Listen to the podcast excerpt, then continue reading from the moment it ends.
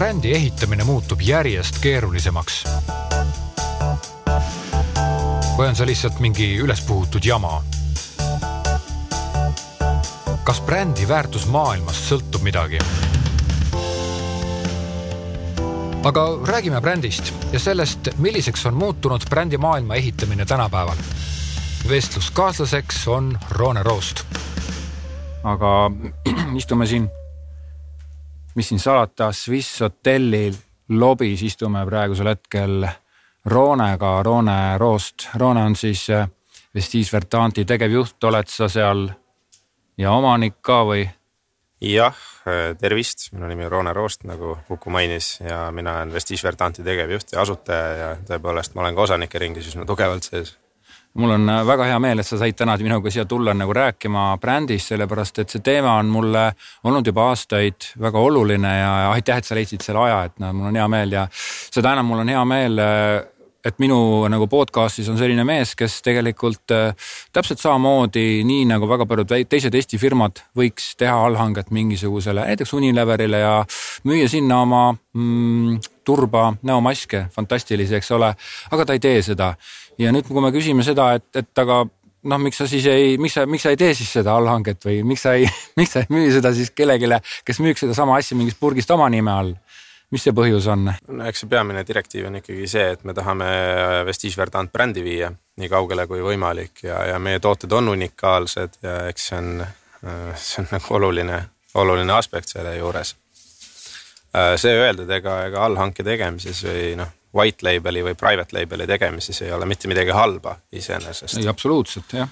aga noh, kui me räägime sellest, mida inimesed ostavad ja miks nad ostavad ühte toodet või mitte teist, eriti kui me räägime seda ilutööstuses, siis noh, ütleme niimoodi, et kvaliteet on eeltingimus, kõik tooted, mida nad ostavad, peavad olema kvaliteetsed, aga miks eelistatakse ühte teisele, noh see ulatub kvaliteedist kaugemale.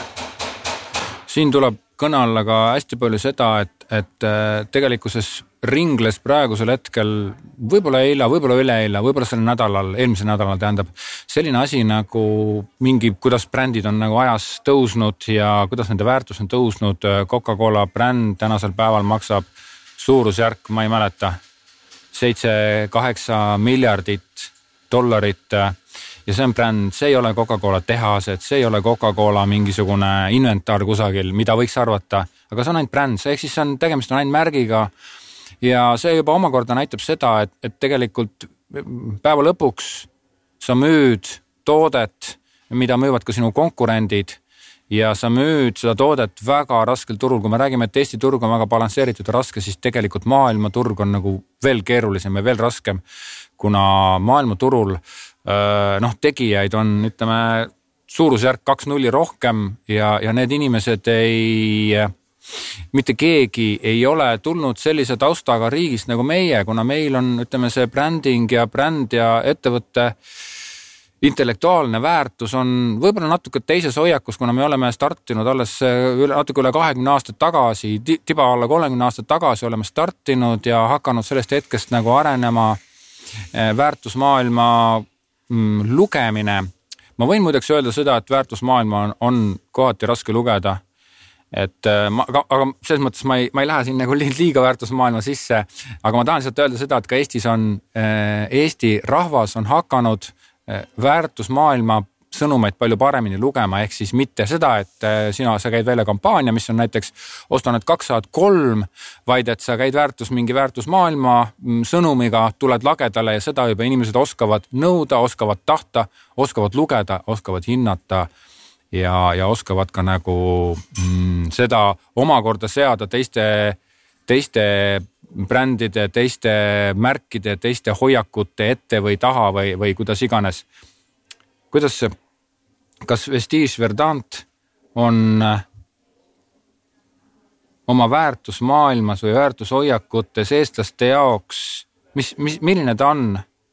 ma mõtlen Vestige Verdant, sa teed tegelikult turbast ju ja, ja muudest sihukestest looduslikest asjadest. kuidas, kuidas me nagu Eestis mõjume, kui, kui me nagu räägime meie vormis?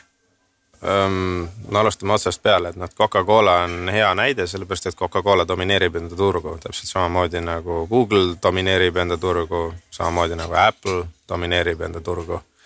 ja siis tekib küsimus on ju, et äh, miks või kuidas neil on õnnestunud see, noh, Coca-Cola ajalugu on hästi pikk ja mis neil õnnestus teha, on äh, tegelikult sarnane McDonaldsiga. Coca-Cola esindab äh, vabadust, vaba ühiskonda, demokraatiat. ja nad said enda, noh, nende dominatsioon sai alguse just sellest, kui Ameerika oli supervõim, eks ju, ja ja hakkas enda vabadust kandma kaugematesse maailma kantsidesse, siis nende rõhutud rahvaste jaoks pudel Coca-Colat oli midagi kaugelt enamat kui midagi huvitav maitse ja värskendav karastus jaoks oli sümbol vabadusest, eks. ja, ja just sellepärast noh, sedasama kuidas ma nüüd ütlen, sellele samale väga tugevale sümbolile ja assotsiatsioonile on nad, on nad rajanud oma tänaseni kestva edu. Äh, McDonaldsiga on põhimõtteliselt samamoodi, et on vana nali, et Ameerika ei ole kunagi rünnanud ühte riiki, kus on McDonalds ja kui nad kusagil on käinud, siis sinna on tekkinud McDonalds. et noh, kui me räägime, räägime Vestige Verdantist, siis, siis meie eesmärk on, on alati olnud äh, väga lihtne, eks, et ehitada enda tooted nii kvaliteetsed kui võimalik, nii looduslikud äh, ja orgaanilised ja tervislikud kui võimalik.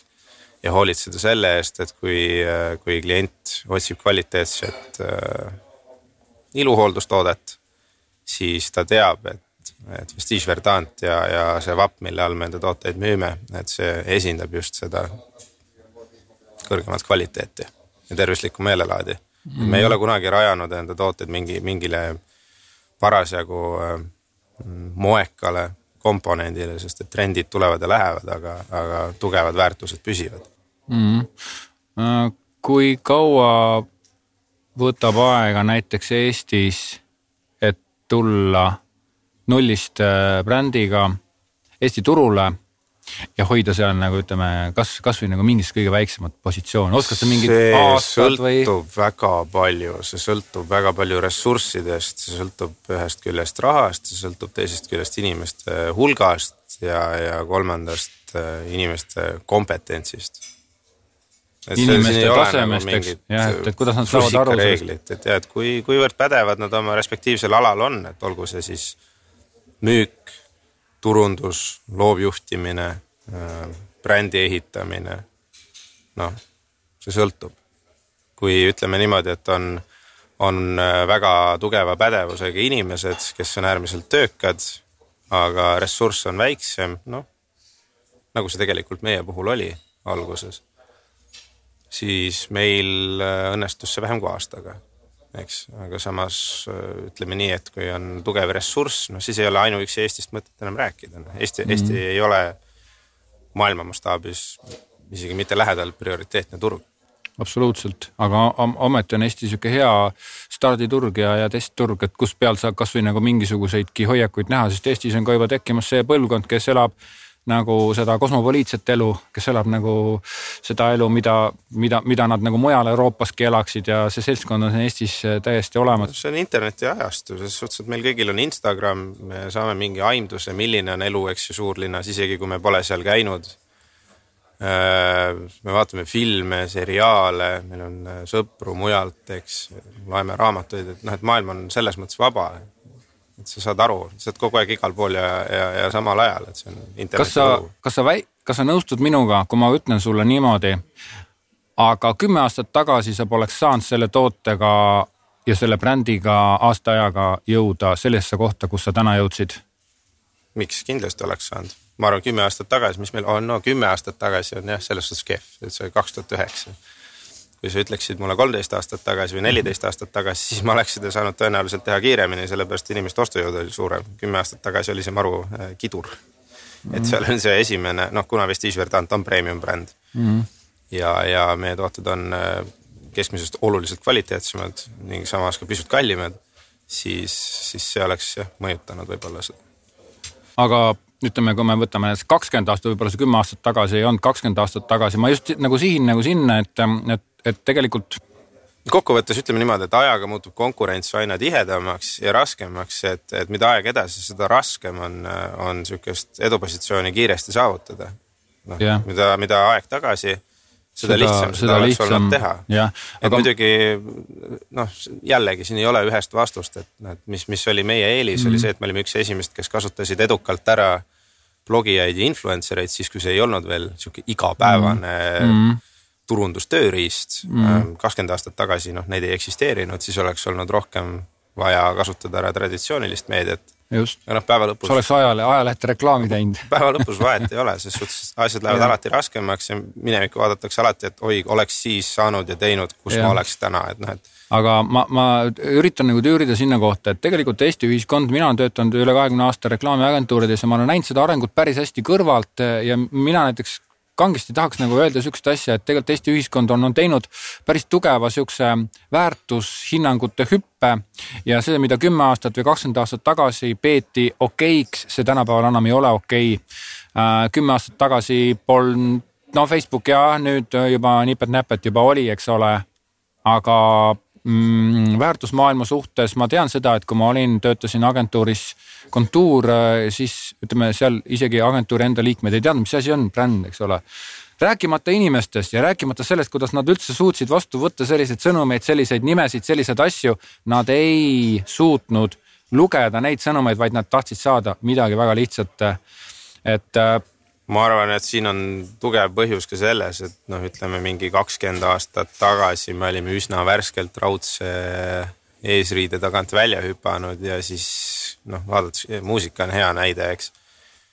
kõik, mis Just. tehti, siis üritati teha midagi läänelikku, pigem matkida, mitte niivõrd luua midagi omanäolist. ja see põhjus on lihtne, see on sellepärast, et noh, me ühiskonnana võib-olla veel täpselt ei teadnud, kes me oleme mm.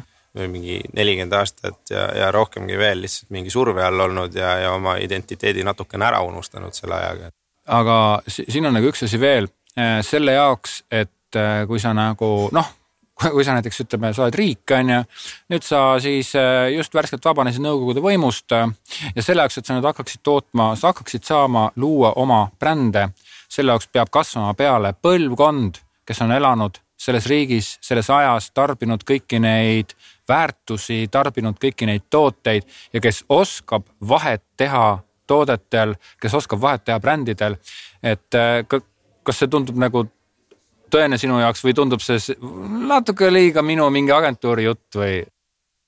nii ja naa, et ühest küljest ma arvan, et selles suhtes sul on õigus, et, et ma arvan, noorematel inimestel äh, on selle võrra lihtsam, et nad ei pea tegelema mingi mineviku taga ärapesemise ja enese uuesti leidmise ja sünnitamisega.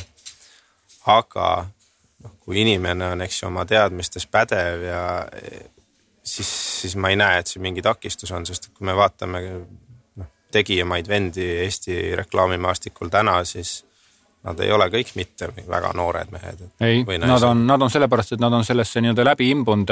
no ja ei no selles suhtes, kui mm. ütleme nii, kui su alusteadmised on tugevad, sa oled pädev mm. inimene, siis vahet ei ole, sa suudad ikka kohaneda, maailm on alati kogu aeg muutumises, et noh, et vahet ei ole, kuhu ja. sa sünnid, ikka muutub no vaata, sinu vaatenurk on võib-olla ka natuke teine, mina suhtlen igapäevaselt klientidega, olles praegu ka freelancer ja pean päris palju nagu tegelema teise maailmasõja aegsete probleemidega, hoiakutega. Päris palju pean tegelema sellega, et minu äh, nagu klientide hoiakud tuleb kõigepealt nagu puhastada sellest vanemast taagast, äh, viia nendele see arusaamine, mis asi on bränd, kuidas töötab, kuidas imagoloogia töötab, kuidas töötab nagu väärtusmaailm. Ja alles siis nad saavad hakata kasvatama omaenda brände, omaenda firmasid selliseks, nagu nad ette kujutavad, et nad oleksid nagu konkurentsivõimelised, et et selles osas ma nagu näen Vestige Verdanti ühe, noh, mulle nagu räigelt meeldib see bränd, eks, mulle õudselt meeldib see ja just nimelt sellepärast, et ta on niivõrd noor, niivõrd enesekindel. see mitme aastaga, viis aastat, eks ole, see viis aastat on tegelikult, see on ikka ülilühike aeg, see on ülilühike aeg. Aga, aga võib-olla, et see, et viie aastaga teha bränd, selle jaoks on vaja nagu sinul oli vaja kasvada sinnani, et see, et see bränd luua, et see asi luua ja see kasv ei pidanud olema nagu füüsiline kasv. et sa oled pikkusest teatud pikkus või kaalus või, või oled oma füüsiliste omaduste poolt, vaid see pidi olema ka sinu nagu sisemine ja vaimne kasv, et sa, et sa, et sa suudad sellel tasandil nagu üleüldse mõtelda. ja näiteks, kui me vaatame, et võtame sihukese auto nagu Maserati näiteks Eestis minu arust seda isegi müüakse. Et nüüd ma küsin, et aga, et noh, et miks sa ei sõida Maseratiga siis või miks sina näiteks Maseratiga ei sõida? no kust sa tead, et ma Maseratiga ei sõida? ma, ma ei teagi, aga ma viskasin sulle küsimuse nii-öelda õhku, et, et eks ole, et minul on nagu sihuke tunne, et kui sinu kõrval on äh, noh, Ford Focus, siis on seal mingi Ford Transit paistab seal, siis on mingi Renault Clio ja siis võib-olla mingi Volvo, ma ei tea, mis ES, mis need numbrid on, eks ole.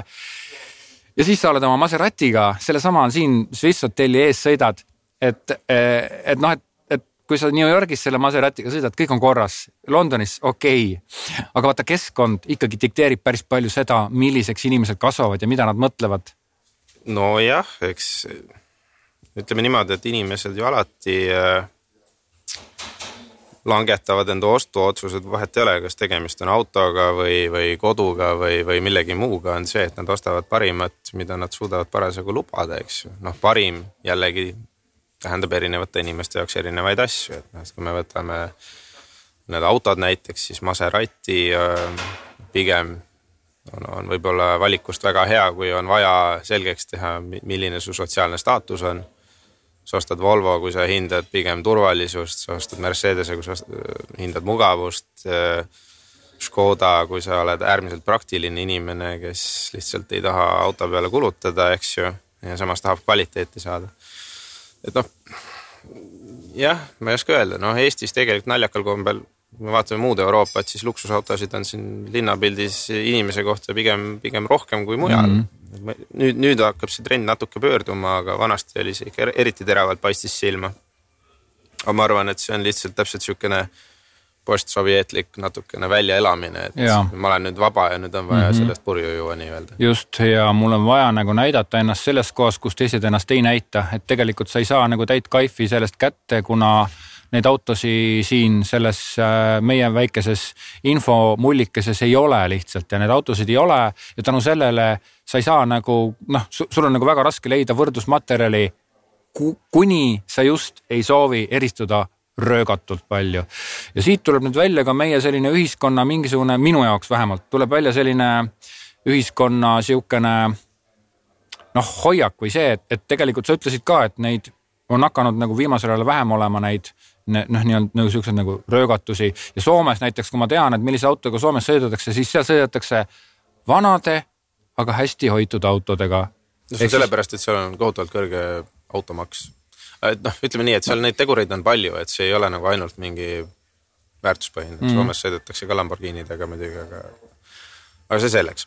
aga noh, hetkel ma korraks võtaks küsida, et, et millest me nagu täpsemalt räägime, et kui, kui, kui me räägime, eks ju, väärtushinnangute muutustest, siis see on kindlasti oluline teema, sest et noh, ütleme nii, et kui kui, kui mitte väga pikka aega tagasi olid just need baby boomerid, see globaalset majandust eh, juhtiv ostugrupp, siis täna on see hoopis teistsugune seltskond, eks ju, ehk siis millenialid ehk siis inimesed, kes on sündinud kaheksakümnendate keskpaigast kuni kahe tuhandeta alguseni, kahe, kahe tuhandenda aastate.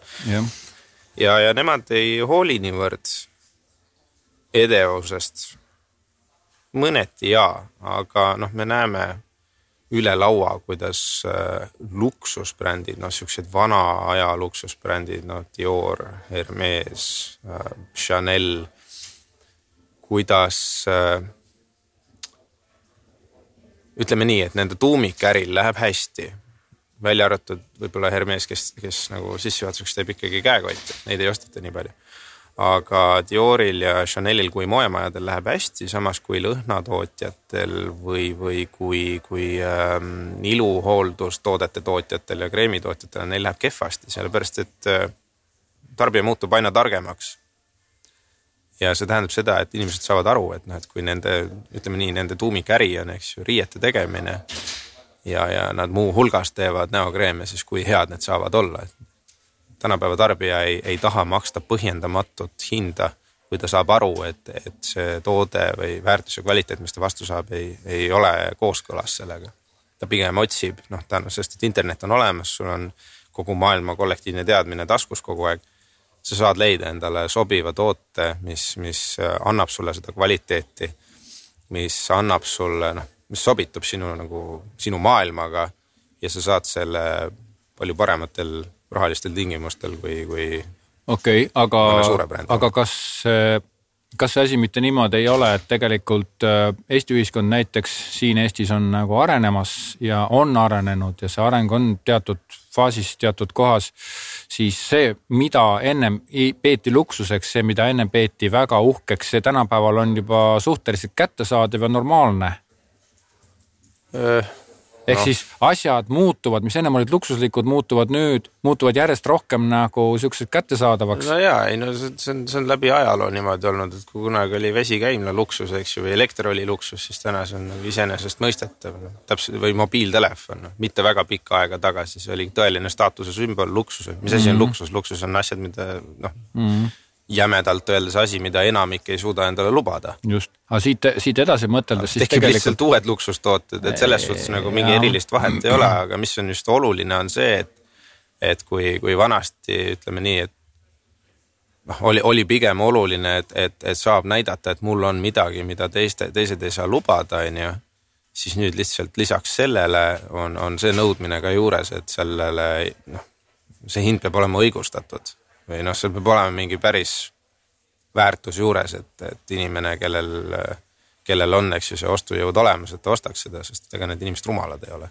ei ole, aga inimesed on minu meelest Eestis hakanud tarbima järjest rohkem, okei okay,, no see jah, et, et järjest rohkem, rohkem nagu luksusasju või nagu hea kvaliteediga asju ja nende hea nõue, nõudlus hea kvaliteediga asjade järele on nagu ilmselgelt tõusnud ja ka kvaliteedinõue ise on tõusnud no muidugi, sest et inimesed, noh, siin on kaks asja, et kui me räägime mingitest no rõivastest või, või autodest või ükskõik millest nad saavad aru, et, et lõpuks on jõutud selle arusaamiseni, et keegi ei ole piisavalt rikas, et osta odavat asja mm.. noh, sest et kokkuvõttes sa, see kulub ikkagi mm. kas kiiremini ära või sa kulutad selle peale rohkem mm. või, või mis iganes ja kui me räägime sellest, mis minule on oluline, ehk siis ilutööstus, siis päeva lõpus ma ei usu, et ükski inimene on äh, piisavalt rikas, et, et ennast osta kehvasid ilutooteid, sellepärast et noh, see on sinu nahk, see on su kõige suurem organ, et kui sa mhm. enda tervise eest ja enda välimuse eest ei hoolitse, siis ja sinna ei investeeri, siis kuhu sa üldse investeerid ju neid okei okay,, ma toon sulle natuke teisest otsast näite, sul on tegelikult õigus ja sinuga on nagu väga huvitav argumenteerida, sellepärast et sul on olemas nagu hästi-hästi-hästi selge maailmapilt, aga ma toon sulle teise näite. ma see ja seekord olen näitme keskmes mina, negatiivne näide äh, üle kahekümne aasta tagasi, kolmkümmend, kakskümmend aastat tagasi, üle kahekümne, ühesõnaga siuksed asjad nagu deseereisid, need olid Prantsusmaale, nad olid seotud mingi usulise värgiga. sinna ma ka läksin, ma ei olnud nagu kuidagi mingisugune usklik, aga ühesõnaga ma läksin sinna ja, ja siis sattusin seal vist, see võis olla mõni bensiinijaam või mõni tankla ja mul oli seal suur probleem seal tualetis, sest ma ei saanud aru, kuidas vesi käib käima. aga vaata, Eestis ei olnud tollel hetkel olemas sihukest asja nagu mm, äh, need valgusetundlikud kraanid ehk siis kraanid, mille paneb tööle sinu käe liikumine seal kraani all on ju. ja ma ei osanud seda ja ma noh, ütleme niimoodi, et lihtsalt pidin nagu natuke ootama, kuni keegi tuleb, et ma saaks aru, et kus, kus see kuradi nupp on, mis, mis nagu seal kraani tööle. ja siis, kui keegi tuli, sealt pani käed alla, siis ma hakkasin ka kogema, sel hetkel ma õppisin ära selle, kuidas käib selle kraani tarbimine. miks ma seda räägin? sellepärast, et kui seda asja sinu maailmas olemas ei ole, siis sa, sa ei tarbi seda mina oma koju ei oska osta senikaua valgustundlikku segistit, kui ma ei ole seda ise näinud, ma ei ole seda tarbinud. ma ei ole olnud ühiskonnas, kus valgustundlik tarbija, valgustundlik äh, äh, nii-öelda segist on olemas. kui see on olemas, siis okei okay,, ma ei torma koju seda omale ostma, aga mingisuguses perspektiivis. Ma tegelikult tahaksin küll, sellepärast et ta on väga mõnus, sul ei ole vaja nagu, kui mul on mingisugune koht, kus mul oleks vaja seda, et ma ei taha nagu oma kätega seda seegistit puudutada, siis ja ma ostan ja ma ei taha osta maailma kõige odavamat, sellepärast need asjad ei olegi odavad. ta maksabki rohkem, aga ma leian selle raha.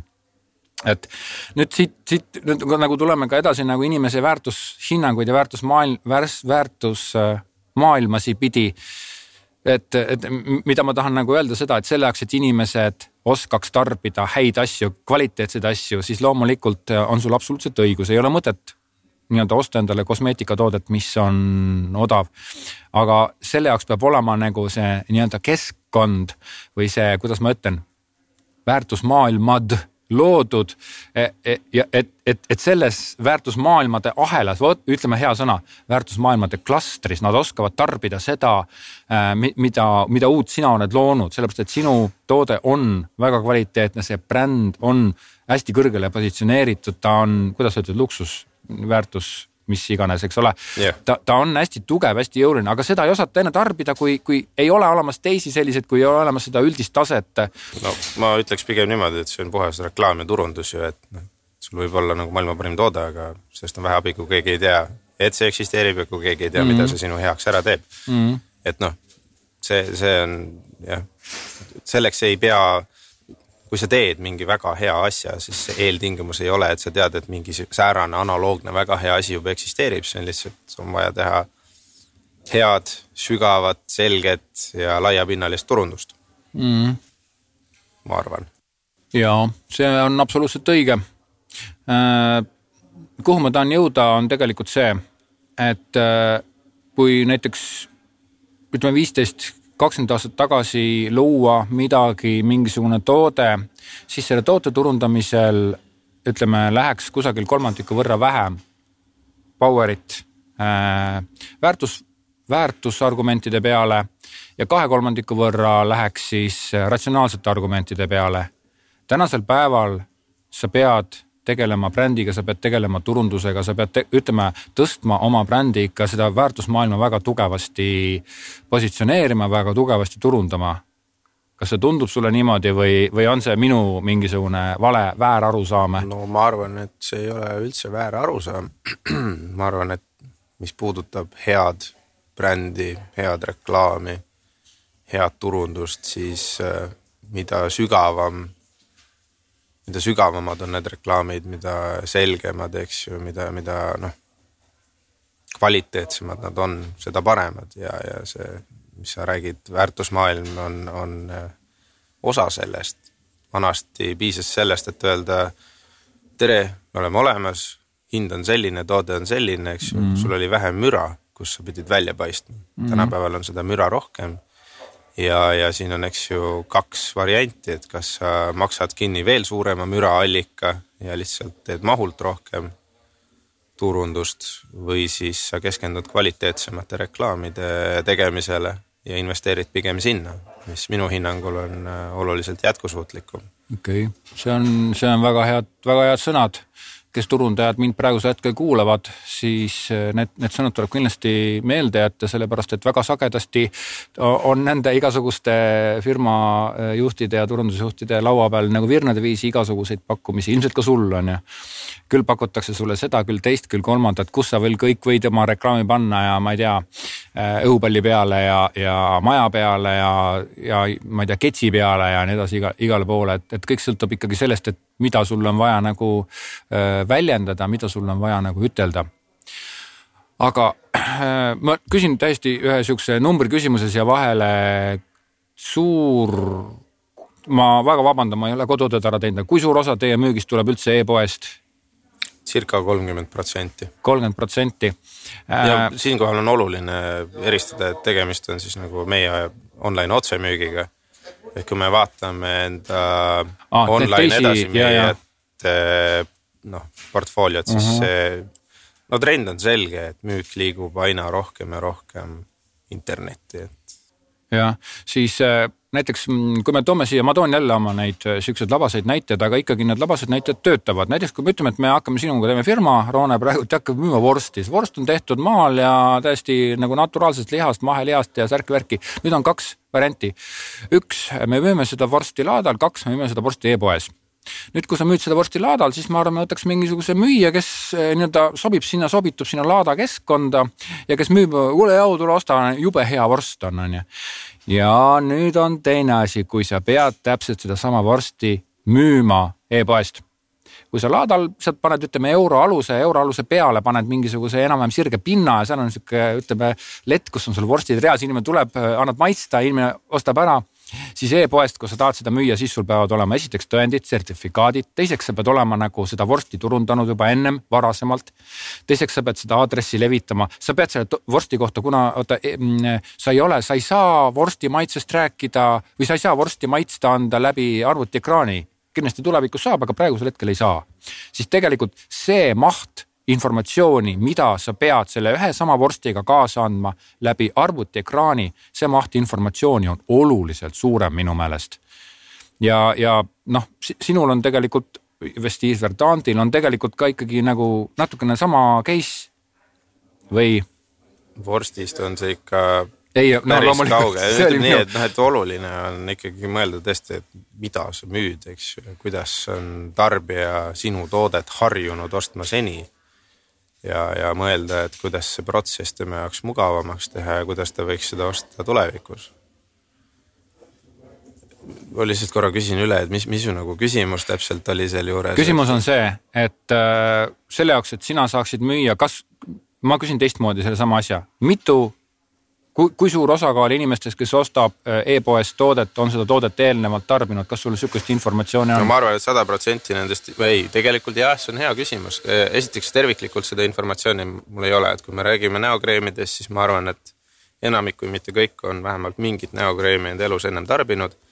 kui me räägime meie näomaskist, siis see on niivõrd unikaalne toode, et tõesti seal on kindlasti palju esmaoste um,. Aga noh, ütleme niimoodi, et kui sa online'is müüd, siis mis on oluline, on see, et inimesed tõesti teavad ja tunnustavad su toote kvaliteeti või see peab välja nägema piisavalt huvitav nende jaoks, et nad sooviksid proovida. siis nad kindlasti tahavad olla kindlad, et tegemist on ausa müüjaga, et, et kui nad, eks ju, maksavad enda raskelt teenitud raha, et siis nad selle toote ka kätte saavad, nad tahavad saada seda kiiresti ja nad tahavad saada kätte toodet, mis kas vastab nendele lubadustele, mis, mis sa andsid seal online keskkonnas või veel parem, see peab neid ületama. kui see ületab neid, siis on korduvostud kõrged.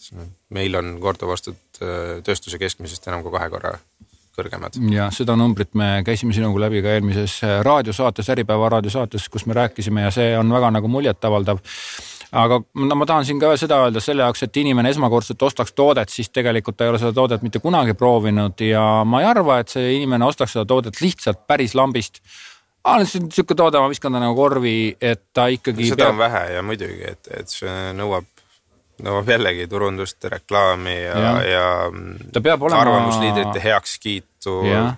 noh. mis ongi turundus, eks ole mm. -hmm omamoodi küll jah, muidugi. et, et ühesõnaga ta peab olema teist midagi kuulnud, vastasel korral ta võib-olla sihukest toodet nagu ei oskaks osta. ehk siis see, see kuvand, see kuvand, mis on tegelikult temani viidud, see peab olema nagu temani viidud selliselt, et ta tuleb ja sinna e-poodi ja ostab selle toote ära ise, olles eelnevalt mitte seda toodet isegi näinud ega proovinud, mis on omamoodi sihuke. no kui ta sellest eelnevalt teab, siis, siis ta ikkagi on seda näinud, proovimine, see on eraldi küsimus. ta ei pea olema jah seda proovinud, aga ütleme nii, et eeltingimus on, et on tõesti sellest, seda näinud mm -hmm. ja, ja sellest äh, positiivselt kuulnud mm. -hmm. no üks asi on see, et jah, siin peab arvestama ka sellega, et no me elame internetiajastul, et üsna lihtne on, üsna lihtne on uurida, kui sa näed mingit toodet, mis on sinu jaoks huvitav, siis sul viis minutit guugeldamist ja sa saad väga selgelt aru, et mis on kasutajate tagasiside on mm. ju, kas, kas see on aus pood ja nii edasi.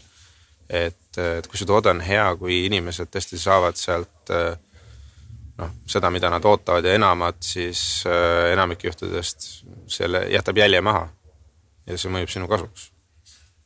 kui sa müüd mingit pudi, siis äh, ka see jätab jälje maha ja sa võid tõesti teha väga head turundust, suure hulga esmaoste, aga, aga see on ka kõik.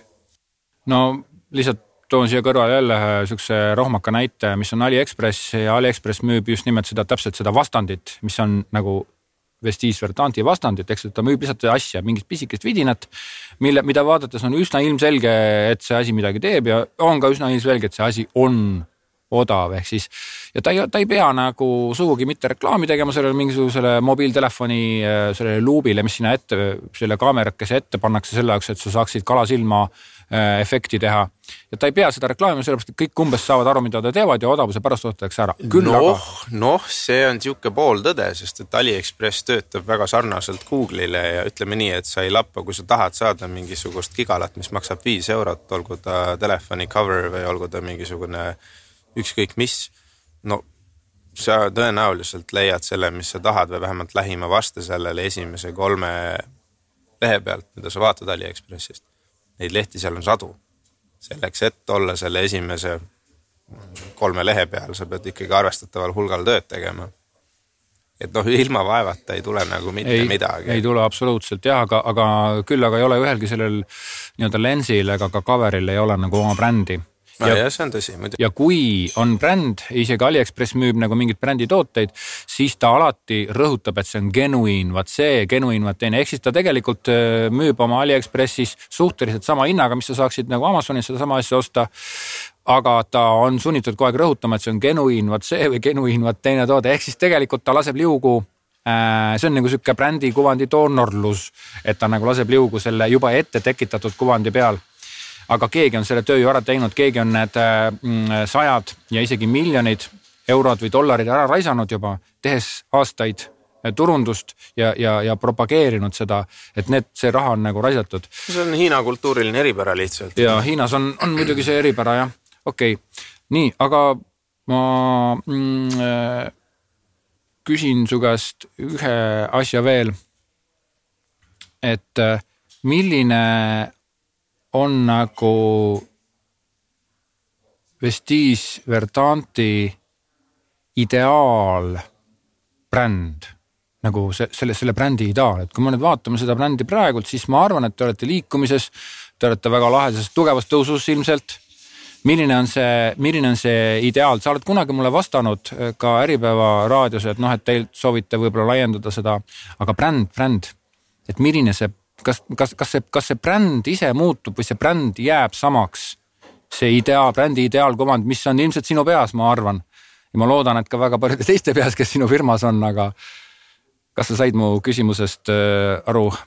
jah, ma küsiks vastu, et Uku, et äh, milline on ideaalne Uku nurk kümne aasta pärast? oskan täpselt vastata, ma tean täna oskad, aga ma arvan, et viie aasta pärast on see natuke teistsugune, see vastus mm -hmm. ehk siis vastus äh, sinu küsimusele on see, et. ma ei küsinud äh, ajalises mõõtes. vaid? ideaalselt täna. ühesõnaga ma. ütleme küsin... nii, et no mul on raske vastata sellele, milline on ideaalne bränd äh, täna.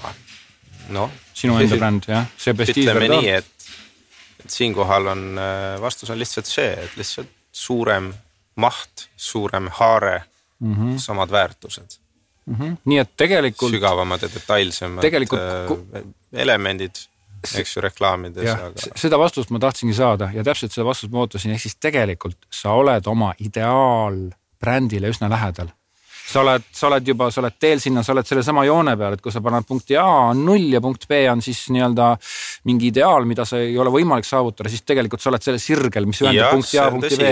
me, me tõepoolest oleme enda nii-öelda lennuplaanil ja, ja jah, ja see, seda vastust ma tahtsingi ja tegelikult äh, kuigi ütleme, see, see vestlus on võib-olla natuke raske pidada meil sellepärast, et, et sina oled igapäevaselt nagu seotud müügiettevõtte juhtimise, turunduse juhtimise, kogu asja juhtimisega, siis see on hästi selline väga paljusid väikeseid tegevusi, ma ei tea, milline sinu päev välja näeb mina vaatan seda asja kõrvalt ja mina näen nagu brändi ja mina tunnetan sinust ainult nagu seda brändi asja, et selles mõttes me, me oleme natuke teisel pool seina.